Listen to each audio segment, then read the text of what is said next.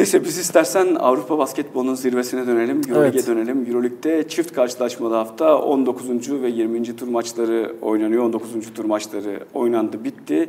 Ee, temsilcilerimiz Anadolu Efes ve Fenerbahçe Beko her ikisi de e, rakiplerini, konuk ettikleri rakiplerini farklı yendiler. Yendiler. Ee, Ee, önce istersen Anadolu Efes'le başlayalım. Gerçi Anadolu Efes'in maçı yarın ama olsun. Anadolu Efes yarın Fenerbahçe'nin yendiği Asveli Fransız temsilcisini ka- karşılayacak. Ee, ne yenecek, direkt yenecek dedim. Ee, Evet yani Ya yenmesini bekliyorum açıkçası. Ee, şimdi yüzler yüzümüz gülüyor çünkü e, Anadolu Efes liderliği ya artık e, bir maç farklı da lider olmuş oldu. Ee, yani sayı farkıyla liderdi. Artık e, maç fazlasıyla da e, lider oldu. Bu hafta e, Fenerbahçe 22 sayı yani çift maçta haftaya 22 sayı fark atarak başladı. Anadolu Efes ise 20 sayı fark atarak başladı. E, gayet iyi başladık çift maçta haftaya. E, bir önceki hafta zaten e, müthiş bir Barcelona galibiyeti vardı Anadolu Efes için. Çok zorlu geçeceğini bekliyordum ki öyle geçti. E, hatta Anadolu Efes'in yenileceğini düşünüyordum açıkçası. E, çünkü Barcelona da bir şeyler kanıtlamak istiyor kendi taraftarına karşı. E, çok masraf yapıldı, bir sürü oyuncu geldi vesaire. E, artık şey e, Barcelona kulübü de taraftar da bir şey bekliyor takımdan. Ama maçın son periyodunda Ergin Ataman öyle bir şey yaptı ki kendini oyundan attırdı. Ee, ve takım buna inanılmaz bir reaksiyon gösterdi. Ee, Ergin Hoca da maçtan sonra bundan bahsediyor ve takım o, o maçı Ergin Hoca olmadan yani o kadar önemliydi ki o son dakikalar. Ee, Ergin Hocasız e, takım galip gelmeyi bildi. E, bu Anadolu Efes'in gerçekten hani e, hep konuşuyoruz ya işte e, bugün belki Larkin olmasa bile e, Anadolu Efes böyle oynayacak. E, Simon e, işte Larkin yoksa Mitsic sahnede, Mitsic yoksa Simon sahnede hep konuşuruz zaten bunu.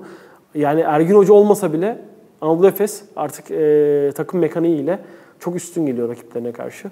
E, bu, bunu da bize gösterdi. Şu an Euroleague'in en iyi takımı. Bunu işte performans olarak e, söylüyorduk işte e, Barcelona ile kıyaslıyorduk işte iki takımın da performans çok iyi vesaire diyorduk ama bu maç bize gösterdi ki Anadolu Efes artık Euroleague'in en iyi takımı.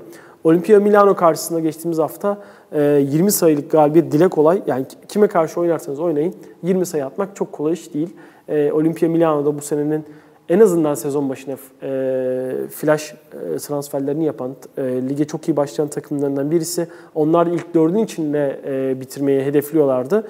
E, ama Anadolu Efes e, onları 20 sayı çok rahat yendiler Sinan Erdem'de. E, çok hoş göze iyi gelen bir basketbolla yendiler ve e, Olimpia Milano'yu da 7. sıraya doğru itmiş oldular. Şimdi Fenerbahçe Beko çok kötü başladı sezona. Üstü üstlük zor bir fikstürle başladı. Arda arda deplasman maçları vardı. Arda arda da zorlu deplasman Arda maçları arda vardı. kaybetti. Ve arda arda kaybetti. Ve sakatı çoktu Fenerbahçe'nin. Özellikle Veseli'nin ve Löwen'in aynı anda sakat olması. e, Ahmet Düverioğlu'ndan istenen verimin, verimin alınamaması. Bunlar çok takımı bozdu sanki ve Dekolo'yla e, Sulukas arasında bir uyum sağlanamamıştı. Evet. Öyle gözüküyordu. Ama Fenerbahçe'de sakatlar döndü. Sakatlar dönerken de fikstür rüzgarı da sanki yine Fenerbahçe'nin arkasına döndü. Yarın akşam Barcelona maçında ne olur? Çok zor soru. Ee, herhalde hepimiz yani gönlümüzden geçen Fenerbahçe'nin kazanması tabii ki ama çok zor maç. Ee, yani Bein, Bein Spor'da Erman Kunter'in bir röportajı var. Ee, koç diyor ki Obradovic'in eski agresifliği yok. Ee, takım kimyası kayboldu. Ama e, son haftalarda bakıyoruz ki e, koçun agresif olması, son iki haftada agresif olması e, takıma tekrardan e, eski kimyasını, kimliğini kazandırmış görünüyor diyor. E, biz de e, öyle görüyoruz. Son üç haftada Fenerbahçe dış atışlardan bulduğu inanılmaz e, yüzdeyle, inanılmaz istatistikle tekrardan eski günlerine geri döndü. Ama orada şöyle bir gerçek de var. Fenerbahçe'nin oyuncularının zaten 3 sayı istatistikleri hep çok yüksek hepsinin. Yani mesela bir Veseli'yi dışarıda tutalım bunun ama işte Ama takım Derek Williams yaptığında- çok fazla üçlük atabilen bir uzun. İşte Sulukas kalitesi belli, Ali Muhammed kalitesi belli. Ee, ondan sonra Dekolo, Melih, Dekolo zaten hani bu konuda inanılmaz bir isim. Westerman yani dolayısıyla Melih Mahmutoğlu keza. Yani Evet, Cici çıkmaya başladı Fenerbahçe'nin hani üçlük atamıyor olması bence haberdi. Evet. Zaten konuşuyorduk. Rebound alamıyor olması çok büyük problemdi. Ee, Olympiakos maçında e, Fenerbahçe ne atsa girdi. Yani taş atsa e, potaya o da e, sayı oldu. Ama e, yine Olympiakos'u 80 sayının altında tutamadılar. En önemli şey e, Fenerbahçe'nin yani def- defansif yapısında e, rakibine yani rebound alması, rakibine fırsat tanımaması ve geçiş hücum, hücumlarını iyi yapması. Yani Fenerbahçe'nin en önemli silahı bu. Ama Fenerbahçe bunu yapamıyordu sezon başından beri. Son iki maçta görüyoruz ki bunu yapıyor. Ee, rakibini 80 sayının altında tutuyor. Ee, önceki yani Baskonya mücadelesinde e, Fenerbahçe'nin yine kazanacağını düşünüyorum deplasmanda. Zor bir deplasmanda ama rakibi 65 sayıda tutmak Fenerbahçe için bence 79 sayı atmaktan daha önemliydi.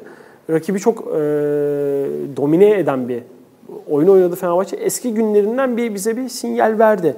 E, bu hafta baktığımızda da e, E, 64 sayıda at- yine 70 sayı hatta 80 değil 70 sayı bareminin altında tuttular Azvel'i ve e, çok rahat e, taraftarını mutlu eden, göze dolu gelen bir oyun oynayarak e, basketbolu e, tekrardan taraftarına sevdirdi diyelim.